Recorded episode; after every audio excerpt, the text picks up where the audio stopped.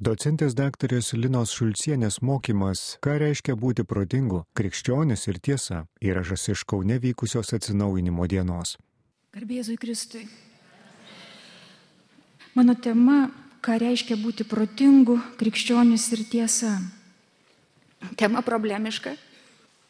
Aš aišku galiu pradėti kalbėti, tarsi vakar būčiau gimus ir nepažiūrėti, kokiam kontekste mes esam, tiesiog iš to bendrybių pažinimo, iš indėjų istorijos, iš to, ką sako mūsų mokytojai ir autoritetai.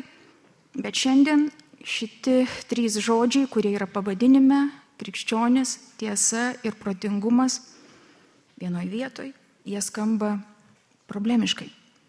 Ir štai kodėl. Ir pradžioj, prieš pradėdama kalbėti, ką reiškia krikščioniui iš tiesų būti protingu, norėčiau, kas yra mano privaloma, pasižiūrėti į kontekstą, kuriame aš kalbu. O kontekstas sudėtingas. Pirmiausiai sudėtingas dėl tiesos savokos. Mes gyvename, sako kultūrologai, filosofai, idėjų analitikai, mes gyvename post tiesos epochoje. Post tiesos epochoje. Kada jį mus ištiko? Veikiausiai ne vakar ir ne už vakar ir ne prieš kelis metus. Įdomu yra tai, kad 2016 metais Oksfordo anglų kalbos žodynas žodį post-truth post tiesa pavadino 2016 metų žodžiu. 2016 metų žodžiu. Tai yra reakcija į tai, jog balsavimo už Brexitą ir Junktinių Amerikos valstijų prezidento rinkimų kontekste kvapą gniaužė klaidinančių faktų gausa, akivaizdžių įrodymų nepaisimo tendencija, atviras melas komentuojant įvykius. Ir net tiek stebino pats tokios situacijos pobūdis, bet tai, kad žmonėms tai tinka, kad nieks nesukyla, kad komentatoriai kalbėdami apie esamą politinę situaciją kalba ne apie aplinkybės, ne apie objektyvius faktus, formuodami visuomenės nuomonę, bet apeliuoja į emocijas apeliuoja į asmeninius įsitikinimus ir bando pataikyti į tai, kas tau patinka ir pagal tai, kas tau patinka kalbėti ir tokiu būdu pristatyti savoją poziciją kaip tiesą. Žodelis post, post reiškia, kad tiesa jau yra nebereikalinga. Ir mūsų neglumina, ir per daug neerzina, ir per daug nesukelia didelių reakcijų nei mums, nei žmogui vakarų pasaulyje. Ta globali šio laikinė tendencija nuvertinanti tiesą. Nepatikėsit net filosofams, net filosofams, didžia dalimi žodžiai tiesa, tikrumas, objektivumas kelia šypseną.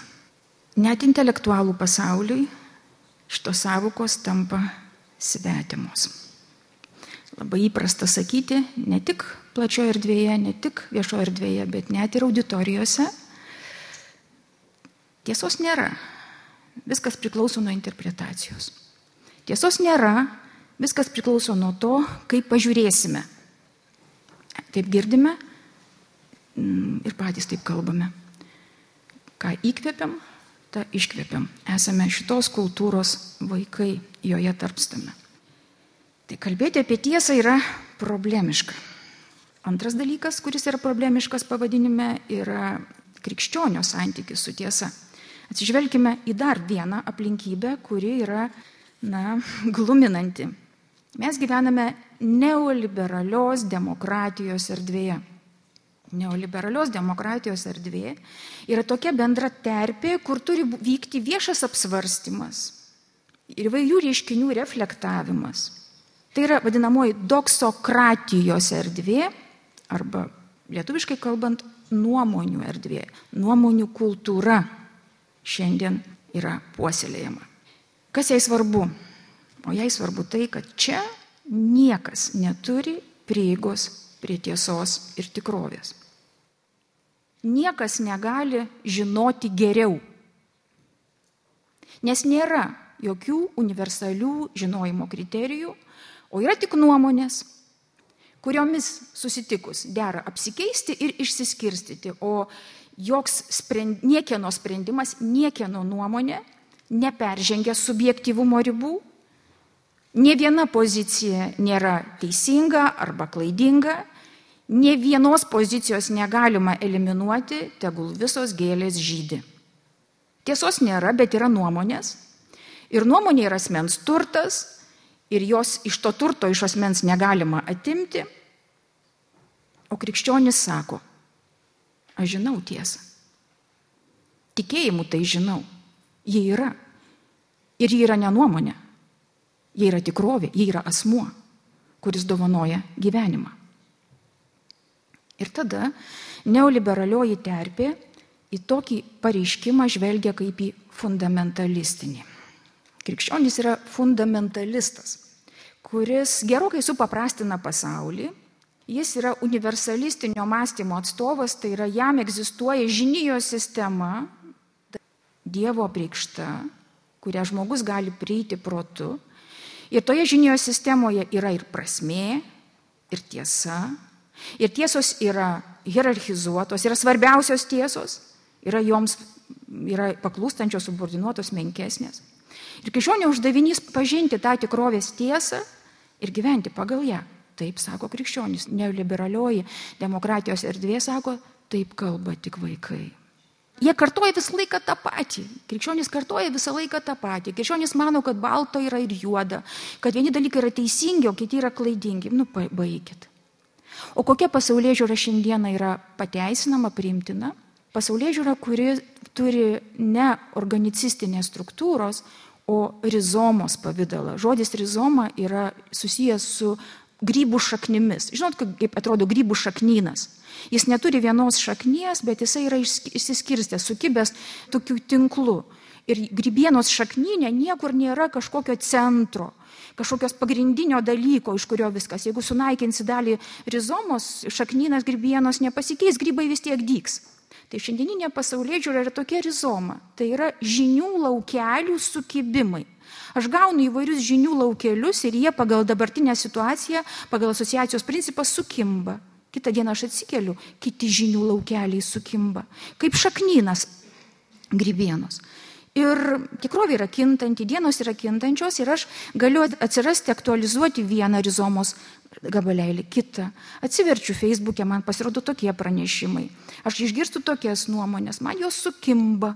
Sukimba loginiais ryšiais ir aš išpažįstu, kartoju, įkvepiu ir iškvepiu tą informaciją, kurią girdžiu. Atsikeliu kitą dieną, informacija iš tikrųjų visai priešinga, negu aš sakiau vakar, bet man tai nekelia diskomforto. Šitoje rizomos vietoje gali būti prieštaravimas ir aš kartoju kitus argumentus, kitą poziciją. Ir tai man nėra joks diskomfortas vidinis, aš neišgyvenu kažkokios destrukcijos vidinės. Aš neturiu vieningos, neprieštaringos, logiškai neprieštaringos pasaulio žiūrinės sistemos, kurią remiuosi ir pagal ją statau savo gyvenimą. Tai yra neoliberaliosios e, demokratijos mąstymo principas, išeities taškas. Ir štai į tokią sistemą pakliūva krikščionis. Ir jisai sako, yra taip ir nėra kitaip. Tiesa yra tokia ir aš ją žinau. Ir tai akivaizdu ir aš galiu jums ją įrodyti. Nu, baigit, kad viską galima įrodyti. Mes juk jau žinome, kad viską galima įrodyti. Galima įrodyti bet ką apie bet ką. Galima įrodyti, kad balta yra juoda, o gera yra bloga. Protas yra universalus instrumentas, jis gali įrodyti bet ką. Ta, įrodyti, ta mums parodė dar graikai, senovės graikai. Kad protas, atleiskit už tokį išsireiškimą, kartais gali būti prostitutė, kuri parduoda bet ką, parduoda save už bet kokią aistrą.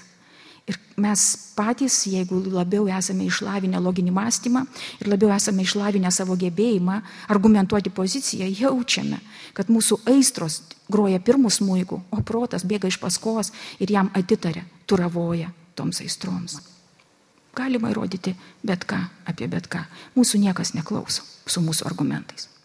Neoliberalioje erdvėje krikščionis yra vaikas. Su vaikais nesipykstama. Vaikai ne priešai, Nu, argi galima ant vaiko pykti. Bet jo įleisti į bendrąją erdvę, kur pasidalinama nuomonėmis, nu negalima. Į vaiką galima stebėti, galima juo džiaugtis, galima tyrinėti jį kaip labai įdomų objektą, galima su juo draugauti, bet nediskutuoti. Su vaiku kviestis jį į bendrą erdvę ir juos spręsti bendrasias problemas - ne, nes krikščionis yra fundamentalistas, jis visą laiką kartoja tą patį. Jam juoda yra juoda, o balta yra balta. Problema Ir kalbėti apie krikščionio santykį su tiesa ir krikščionio išėjimą į šiandieninės diskusijos erdvę yra problema. Ir galiausiai trečioji problema, aš vis dar nepradedu savo temos. Bet man gal atrodo, kad būtina įvardinti tą kontekstą, kuriame mes kalbam. O trečioji problema yra protingumo savoka. Eikim jau dabar prie jos. Protingumo savoka. Kas yra protingumas? Protingumas yra pats bendriausias apibrėžimas. Yra gebėjimas teisingai nuspręsti. Protingumas yra gebėjimas teisingai nuspręsti. Labai geras dalykas. Tikrai labai geras dalykas. Ir nuspręsti ir apie savo gyvenimo perspektyvą, ir nuspręsti apie labai konkrečius savo veiksmus, ką daryti šiandien, šią savaitę, šiuos metus, kokį gyvenimo kelią pasirinkti. Protingumas yra geras daiktas. Ir žinot, du su pusė tūkstančio metų vakarų kultūroje protas, protingumas buvo laikomas žmogaus prigimties karūna. Žmogus išsiskiria iš visos kūrinijos todėl, kad jis turi protą. Kada krikščionybė įžengia į vakarų pasaulį, tuomet mes girdime iš bažnyčios tėvų ir mokytojų raštų. Žmogus panašus į Dievą todėl, kad turi protą. Proto gale yra ta, kuri iškelia jį virš visos kūrinijos ir padaro jį panašų į Dievą. Tai yra nuostabi gale. Tai yra nuostabi dovana, Dievo dovana. Ir šitai galiai puoselėti buvo dėta labai daug pastangų ir vaisiai, kurie buvo pasiekti, įspūdingi. Mokslo technikos pasiekimai yra nekas kita, kaip leidimas plėtotis šitai Dievo dovanotai galiai. Apšvietos epocha 18 amžiuje proto galę netgi pasodino į Dievo vietą. Tai yra kilniausias ir aukščiausias žmonijos turtas. O kas nutiko 20 amžiui? Žinot, 20 amžiaus pačioj pradžioj viešoje erdvėje dominavo tokios mintys, tokie pasisakymai apie tai, kad žmonija pasiekė tokį aukštą savo kaip protingų kūrinių išsivystimo etapą, kad žmonija gali įveikti blogį, įveikti karus. Žiūrėkit, sako, Čia yra 20-ojo amžiaus pati pradžia ir raštai, tekstai, kurie tuo metu pasirašomi intelektualų. Žiūrėkit, sako, mes jau nebedarom tokių nežmoniškų veiksmų, nėra tokių nežmoniškų, žiaurių ir žmonės kankinančių procedūrų, nėra tokios diferenciacijos. Moteris vėl turi teisę balsuoti, jinai pakelta į tokį pat lygmenį kaip vyras. Žmonėje keliauja humanizmo, tobulėjimo savo prigimties išskleidimo keliu. Viskas, mes tikrai pasiekėme labai aukštą lygmetį. 1914 metais prasidėjo pirmas pasaulinis karas. Prasidėjo skerdinės, kurių nenorėjo ne viena tauta. O antras pasaulinis karas, jo patirtis pagilino suvokimą, kad žmonių gyvinė pajėgi sunaikinti pati save. Ar žmogus yra būtybė, kuri elgėsi pagal proto suvokimą? Nusivylimas protų buvo didžiulis. Žinokit, 20-ame amžiuje įvyko tam tikri lūžiai, radikalūs lūžiai žmonė, žmogaus savivokai. Žinot, filosofai nėra tie, kurie prigalvoja idėjų, o paskui žmonės paskui juos priversti eiti. Ne, ne, ne. Nei filosofai yra žmonės, kurie sugeba duoti žodį procesams, kurie vyksta. Jie sugeba įvardinti procesus. Jų išlavintas protas tai yra gebėjimas atpažinti ir suformuluoti. Kada Nyčia ištarė Dievas mirė, jis nesugalvojo, kad Dievas mirė ir prasidėjo ryškus e, sekularizacijos procesas vakarų kultūrai, jis pasakė tai, kas jau bunda, tai, kas jau įgauna pagreitį, tai, kas turi jėgą. Filosofas tik suformuluoja, kas yra. 1966 metais postmodernistas Mišelis Fuko suformuluoja, žmogus mirė. 1966 metai žmogus mirė. Kodėl mirė? Tas žmogus, kuris suvokė save kaip protingą būtybę, korunuojančią pasaulį, kuris yra iškiliausias kūrinys tarp kitų, kuris gali paversti dykumą sodais, kuris gali nuskristi menulį, tas žmogus mirė, nes jis nėra protingas, nes jis valdomas aistrom, jis emocijų aistrų, jis emocijų gniužulas ir protas tik jam patarnauja. Ir tai buvo dviejų pasaulinių karų patirties vaisius. Žmogus nusivylė savimi. Ką rašo filosofai? Jie rašo, kad, nu, neaišku, kas mes esame Ir šita genderistinė, genderistinė šita ideologija kyla iš va šitų pagrindų, iš nusivylimos žmogaus savo racionale kilne prigimtimi. Verta paieškoti to šaknų ir gydyti tas šaknis, o ne padarinius. Visada reikia gydyti priežastis, o ne padarinius. 20 amžius pažymėtas žmogaus nusivylimu savo proto gale. Ir pažiūrėkit, kas dabar kalba apie protingumą. Na, dar viešoji kalboje turim tokių, žinai, būk protingas, bet dažniau net maldos grupėse mes apie ką kalbam? Suprask, pažink, įsigilink. Ne, mes kalbam paliesk. Kaip tave paliečia Dievo žodis. Ką tu jauti, ką tu išgyveni. Atkreipkite dėmesį, nusivylimas protu įsiskverbia ir į maldos grupės visame pasaulyje. Ir emocinis žmogaus pradas laikomas viršesniu negu racionalus. Jeigu atsiversit bažnyčios tėvus, kas ten? Mastomoji malda. Pirmiausia, mastomoji malda. Bažnyčios tėvai jums visi uždraus įsivaizduoti, kad tave palėtė, kad tave kažkau kažkas vyksta, kad Jėzus tave apkabina. Vaizduotės galia yra baisi, sako bažnyčios tėvai, nes per ją įlenda piktasis. Ir tu tada negali sukontroliuoti, kur yra Dievo dvasia, kur piktojo dvasia. Dvasių skirimo dovana turi. Atpažinsi, kad vaizduoti, būdamas, būsi laisvas nuo piktosios dvasios veikimo. Nenoriu kvestionuoti jūsų maldos praktikų, kalbu kaip istorikė. Kaip istorikė, tik tai. Nusivylimas protu įsiskverbė į visur emocingumas, tas psichoterapinio idealo įsigalėjimas vakarų kultūroje, pirmiausia Amerikoje, paskui Europoje. Ir galiausiai va, tas nuolatinis akcentavimas tuo, kaip tave palėtė, ką tu jauti, emocinis intelektas tapo viršesnis negu racionalus samprotavimas. Atkreipkite dėmesį, protas kažkur nugrūstas į paraštės, į periferijas. Kas jūs ragino paskutinį kartą suprasti, įsigilinti? O kada šventą raštą skaitydami buvo raginami savo vadovų suprasti visą ištrauką, kuri tau yra pateikta. Koks skirtumas, kas tave palėtė, sakytų žmogus prieš porą šimtų metų. Svarbu, kas tą tau nori pasakyti pats Dievo žodis. Pabandyk suprasti, pabandyk įsigilinti. Aš ne prieš šiandieninės praktikas, aš tik kalbu, kad mes esame šio laikmečio žmonės. Ir mes ką įkvėpiam, tą iškvėpiam. Laikmetis yra toks, visa žmonija nusivylė protingumu. Na jau gana, sukas jau pakankamai didelį kalną, dabar reikės jį nukasti. Aš kalbu šiandien jums apie protingumą, tiesą ir krikščionis. Čia buvo įvadas. Į visus tuos tris priekaištus, kuriuos tik sukasiau, tuos tris kalnus, pabandysiu atsakyti savo dėstymo pabaigoje. Kaip koks viduramžių mokytojas. Viduramžiais tai būdavo įprasta.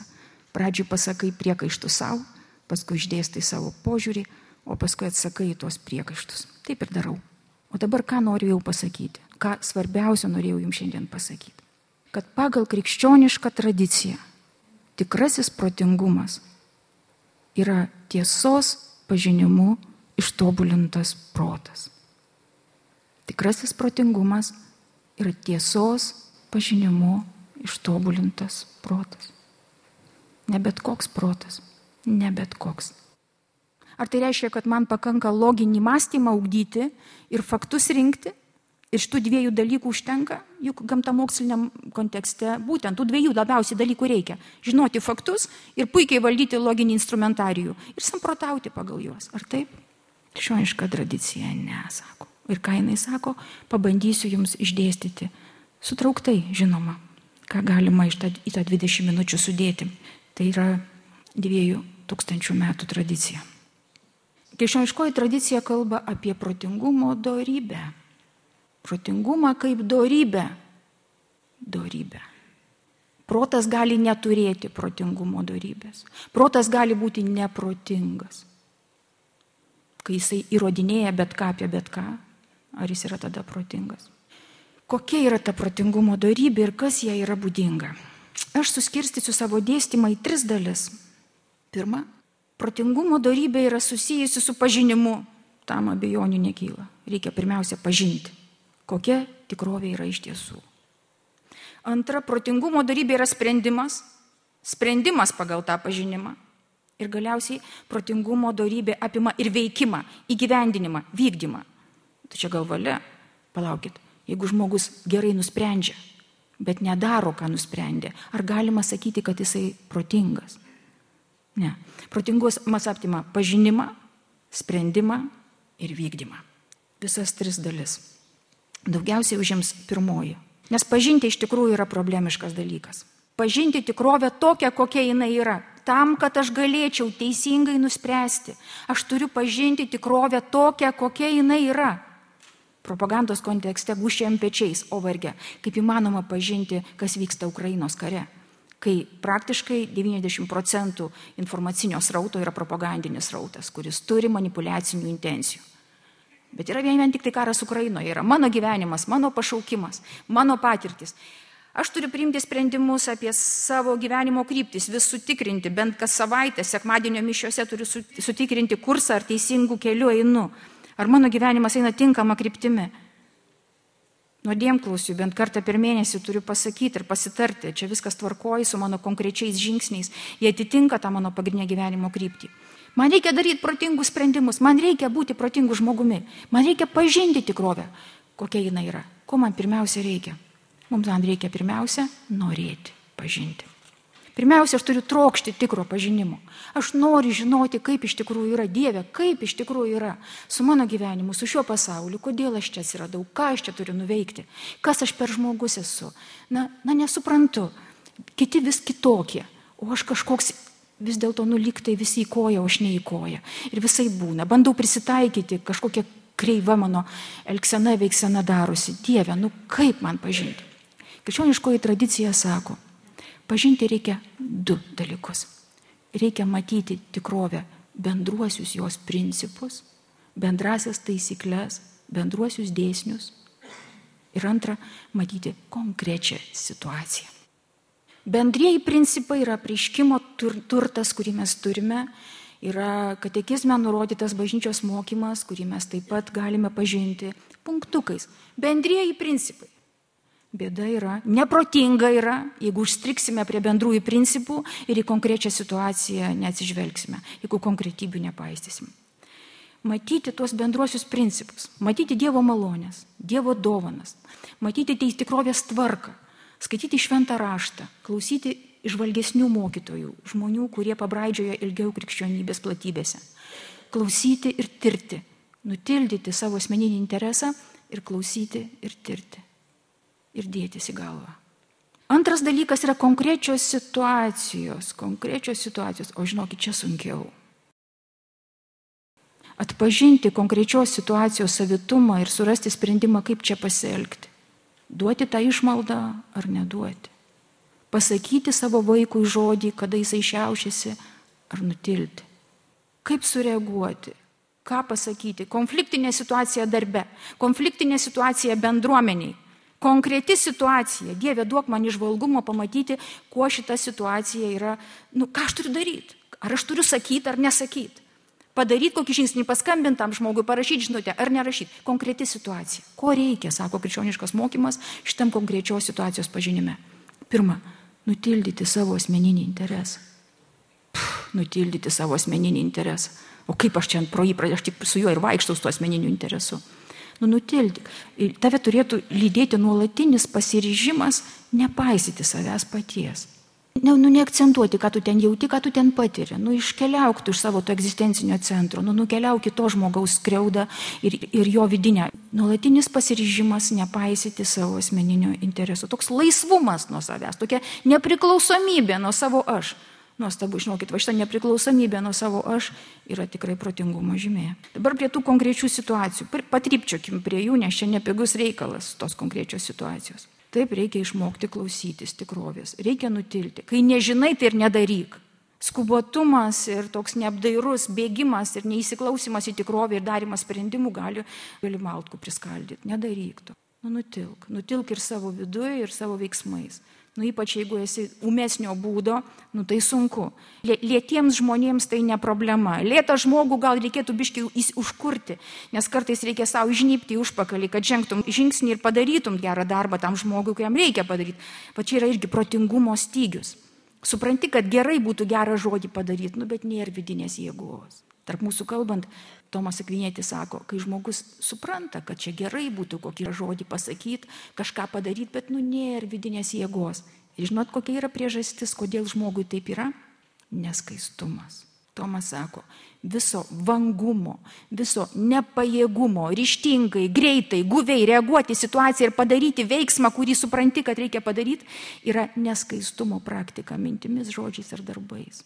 Neskaistumas yra pančiai, kurie apima žmogų ir nutrukdo jam įgyvendinti protingus sprendimus. Žmogus labai protingai sprendžia, žmogus labai protingai kalba, žmogus labai protingai e, masto, rašo, O kaip jis daro? O tu matai, kad jisai žingsnio nežengs. Neteisingumo situacijoje jis nepasielgs teisingai ir neapgins skriaudžiamojo, jam trūksta kažkokios vidinės jėgos. Tomas sako, tavo žaizda yra neskaistumas. Gydyk ten, pamatysi, išlaisvėsi. Neapsiribokim bendrybėmis, neapsiribokim bendraisiais principais. Konkreti situacija yra konkreti situacija, išmok, nu, kažkaip mokykime nutilti ir pamatyti tikrovę, kokia jinai yra, kad sprendimas būtų taiklus.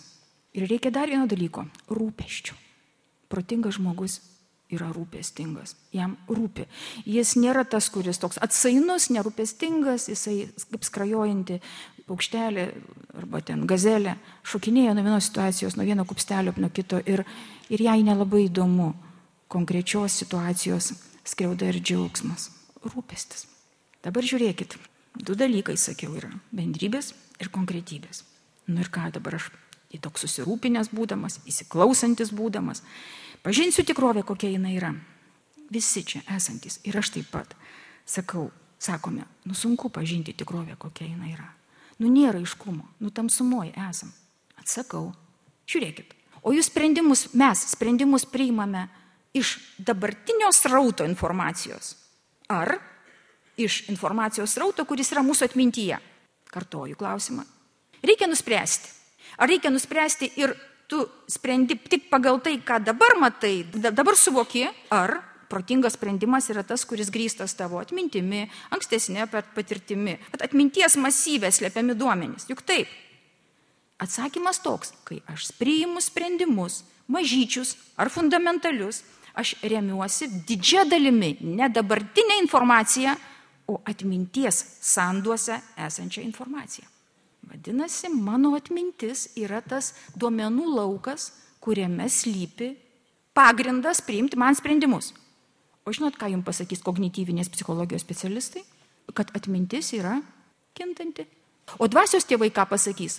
Pasakys, kad atmintis turi polinkį retušuoti įvykius, perstatyti akcentus, iškreipti tikrovę. Na pavyzdžiui, draugavai dešimt metų su žmogumi, tiek nuostabių patirčių turėjai su juo ir štai tave įskaudino. Ir nuo to tu jo nemyli. Ar tai tiesa, ar tai protinga? Dešimt metų ir viena diena laiko požiūriu protingas žmogus sakytų, dešimt metų iliuzijoje gyvenau, buvau kvailinamas, o va, tą vieną dieną atsiskleidė tikrasis to žmogaus veidas ir jis man iškrėtė tokį skaudų pokštą, daugiau niekada. Ar tai protinga? Ne. Ar aš taip darau? Darau. Taip, kad mokytojas pats yra šiuo atveju aklas. Bet tai neprotinga. Tai neprotinga. O kas tai yra? Tai yra atminties problema. Atmintis perstatė akcentus. Dešimt metų pavertė vieną dieną, o vieną dieną pavertė dešimt metų. Tai tiesa? Ne. O atmintis daro savo darbą. Tai susijęs su patirtimis, taip, su skaudžiamis patirtimis. Žinoma, kad taip yra. Ir atkreipkite dėmesį, ar mes turim fotografuoti ne atmintį? Ne. Puh, tai jeigu mūsų atmintis tokia kintanti, vadinasi, mes nu, negalim priimti protingų sprendimų. Niekada, niekada.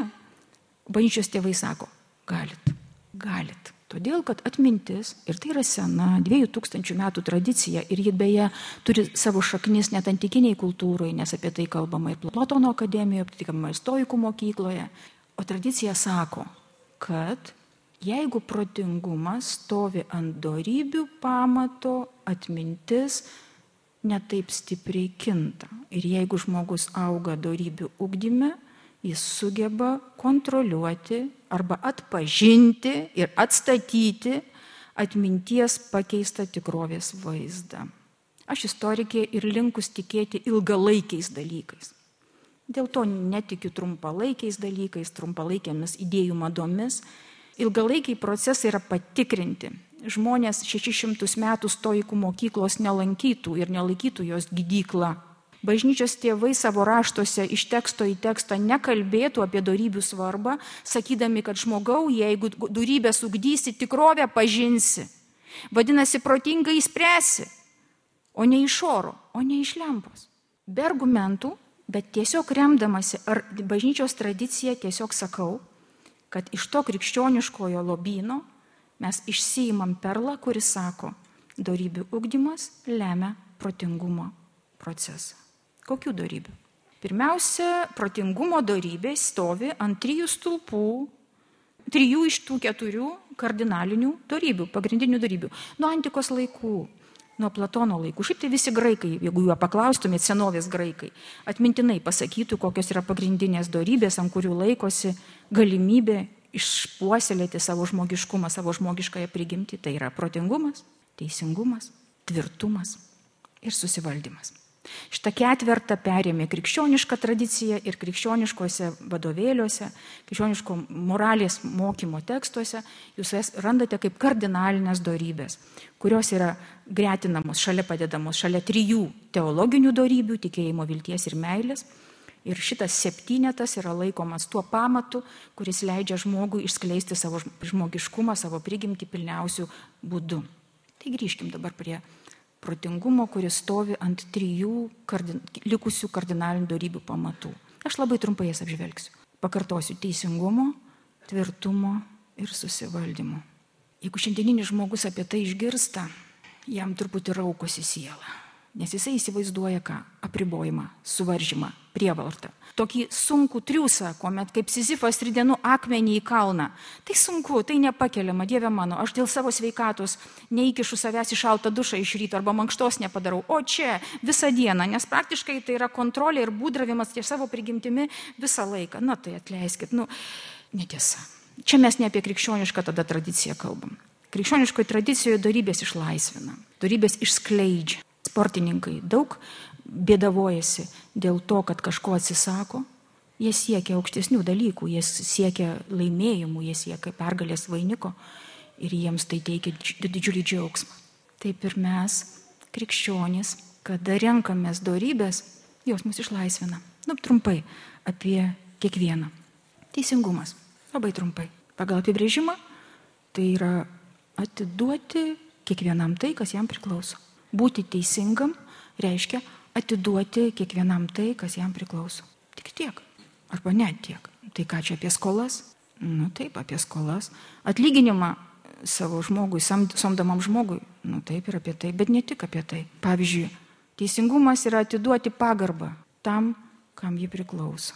Teisingumas yra atiduoti dėkingumą tam, kam jis priklauso.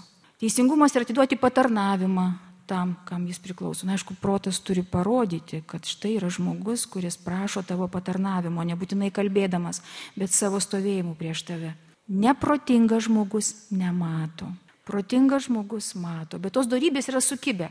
Protingumas maitina teisingumą, teisingumas paremia protingumą. Jos viena kitą palaiko. Ir žinot, toks priekaištas man savo pačiai. Krikščioniškam mokymė teisingumo darybė reiškia, kad tu turi teikti pagarbą savo valdžiai teikti pagarbą savo valdžiai. Nes tai teisinga, nes ta, ta valdžia yra pastatyta didelė atsakomybė nešti ant savo pečių. Nepaisant to, kaip jinai elgesi, pats jos statusas jis reikalauja pagarbos koks yra tavo arealas atsakomybių ir koks valdančiojo arealas atsakomybių. Tie, kas yra didesni arba mažesni viršininkai, žinote, kaip lengva būti pavaldiniu. Tokia tašė, kur tave nuvedė, nunešė ten, padėjo, ten tu esi. Mažą savo funkciją atlieki ir labai labai smagu. Tai fu, atsipalaidavimas, kaip ekskursijoje. Vat atsimenu, važiuoji, nieko nereikia galvoti, pamaitina, nuveža, papasako įdomių dalykų. Tokia tašės režimas žiauriai patinka man. O kai, o kai tavo atsakomybė yra šeima arba bendruomenė arba kažkas, tai ir vaikštai visą susiraukęs, nes vaikštai susirūpinęs, nes, nes, nes tai tą reikia prisiminti, tą reikia prisiminti, tą reikia prisiminti, tai yra atsakomybė. Šitie žmonės nėra blogi patys savaime, juos tašėmis paversk, pamatysi, kaip jie džiūgaus ir kokie jie bus atsipalaidavę, kokie bus gražų žmonės, bet kai atsakomybė užkraunama ant jų pečių, nu jie gali skleistis kokiomis nepatraukliomis savybėmis, bet tai atsakomybė ir mes privalome jiems pagarbą ir savo valdžiai taip pat, ir aukščiausiai taip pat, ir savo popiežiui. Tai pareiga, tai teisingumas. Tai teisingumas. Nori būti teisingų žmogumi, privalai taip daryti. Ar tai labai sunku? Kita darybė - tvirtumas. Su kuo susijęs tvirtumas? Su tuo, kad pasaulyje kartais yra blogio perviršis. Ne visada blogio perviršis, bet yra situacijos, kuriuose blogis įgyja pranašumą. Ir mes viena, vienos arba kitose situacijose patenkame į situacijos, kur blogis įgyja pranašumą. Darbe, politikoje, šeimoje. Matai, kad blogis įgyja pranašumą. Ir tu neturi pasitraukti iš tos situacijos ir tu turi tapti tvirtas. Ir šitas tapimas tvirtu yra, nu, rizika. Todėl, kad tu rizikuoji prarasti statusą, gali būti atleistas iš darbo, gali būti išmestas iš bendruomenės, daug kas gali būti, visai gali būti. Ir tada savisaugos instinktas suveikia ir noriu save saugot ir nutyliu, bet tada labiau prarandu. Kas saugo savo gyvybę, tas ją praras. Kas nesaugo savo gyvybės ir atiduoda ją dėl manęs, tas ją išsaugos. Čia tvirtumo darybės atžvilgių tas absoliučiai veikia. Todėl, kad tada, kai žmogus praranda sveikatą, darbą, tėvynę, jisai išgyvena, kad įgavo daugiau gyvybės. Daugiau gyvybės. Keistas dalykas. Išoriniai parametrai sako, kad nieko panašaus. Namų neturi, šeimos neturi, sveikatos neturi, o jisai labiau gyvas. Žmogiškos prigimties lėpinys. Žmogus ne, ne, ne gyvūnas, žmogus ne šuo ir ne katė. Jisai yra aukštesnės tikrovės vaikas. Ir jisai gyvena labiau, kai aukštesniam lygmenį savisauga pasiekia. Savisauga aukštesniam lygmenį kai labiau draugauju su tiesa.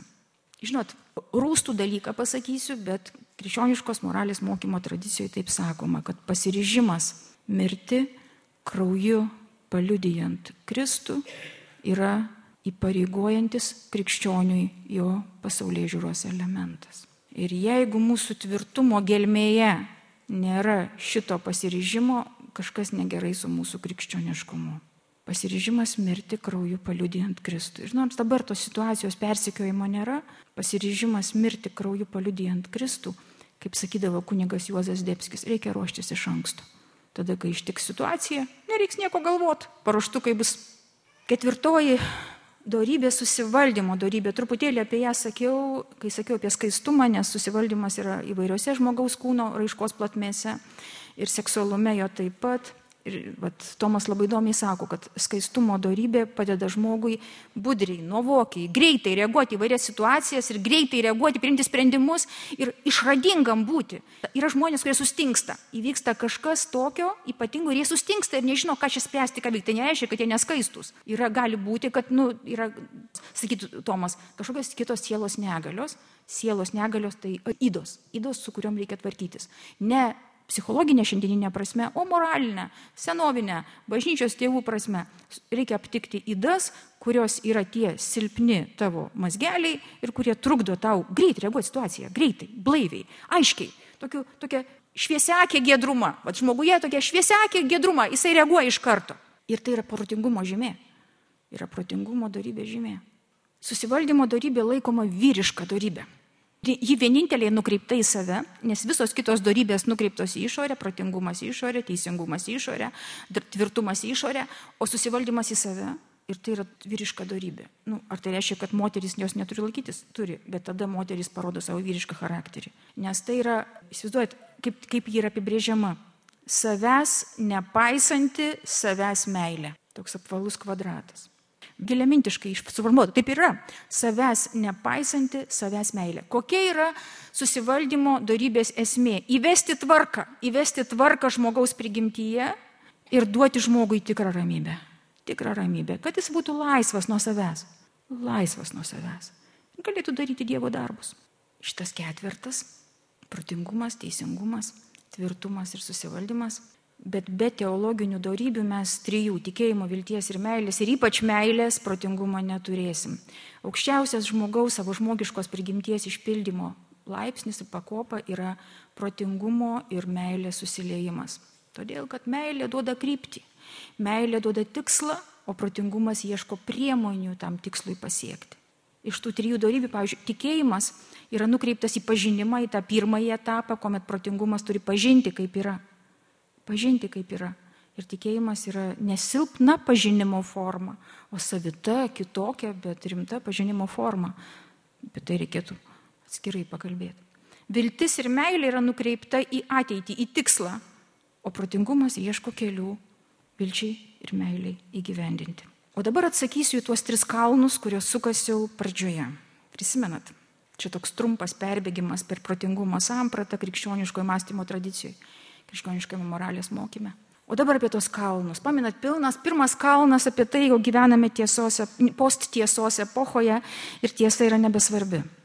Ir šiandien kalbėti apie tiesą, hmm, šypt, apie, apie tikrumą, hmm, apie objektivumą, tai mes turime tik tai turbūt Lietuvoje vienintelę salelę, kur apie ją kalbama, tai turbūt katalikų teologijos fakultetą. Legaliai čia kalbama apie tai, kad žmogaus pašaukimas pažinti tiesą, kokia jinai yra iš tikrųjų ir jinai yra objektyvi, nekintanti. Dabar žiūrėkit, už mano nugaros yra nuostabi ikona ir Rūta sakė, kad mes tikime Dievą, asmenį, tiesą, kuris yra asmuo. Ir čia dera pridurti tokį dalyką. Ar tiesa yra nekintanti? Nekintanti. Tiesa yra kintanti? Kintanti. Ar tiesa yra relatyvi? Ne. Ar tiesa yra relatyvi? Taip. Ar tiesa yra santykinė? Ne. Ar tiesa yra santykinė? Taip. Ta pačia savoką sakau, sakau sakinius, kurie prieštarauja vienas kitam. Apie ką kalbu? Kalbu apie dvi tiesas. Pažinimo tiesą ir būties tiesą.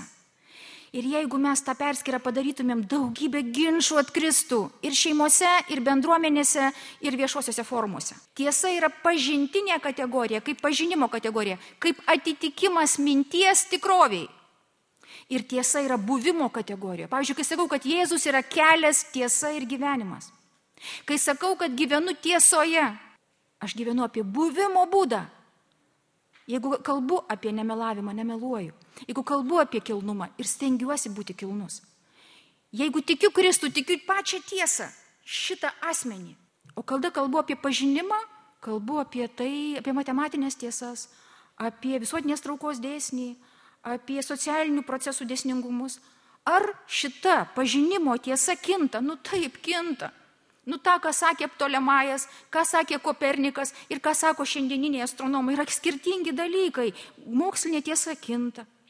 Ar tiesa yra relatyvi, ar jinai yra istoriška, santykinė, tai aišku.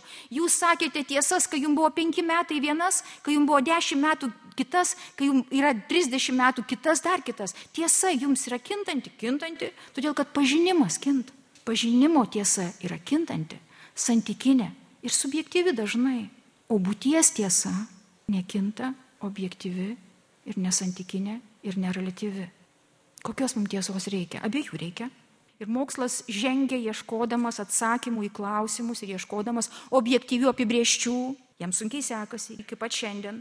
Jis pateikia labai gražias civilizacijos gerybės mums ir mes dosniai ir sočiai jomis naudojamės, bet per gamtamokslis gali atsakyti apie tikrovės sąrangos galutinius principus. Šiandieniai gamtamokslio maestro sako apie tai, jog šiandien mokslas nežino, kurios tiesos apie tikrovę ateityje išliks, o kurios atkris. Šiandien, žinot, e, protingumu yra laikomi tokie keisti dalykai kaip suktumas, būdas išvengti situacijų, kur reikia kažką paukoti, Protingumas yra apeiti situacijas, kur galėtum būti nuskriaustas. Protingumas yra toks suktumas, nukreiptumas iš save, toks baimingas, konvulsyvus įsikibimas į savo savisaugą, į savo nusavybę, į savo asmenį, jo pagerbimą ir taip toliau.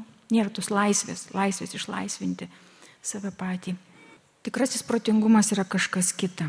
Ir per 2,5 tūkstančio metų mes tikrai gavome nuostabią tradicinę, tradicinę kartuoju patirtį, nes mūsų juk atmintis tai nėra vien tik mūsų psichologinė atmintis, tai ir mūsų tautos atmintis ir žmonijos atmintis. Mes gavom nuostabią patirtį, kuri rodo, kad protu ištobulintų plotų, tiesos ištobulintų protų, kuris grindžiamas darybėmis, žmogus gali užžengti į pačiau, pačias aukščiausias savo galėjimo būti aukštumas.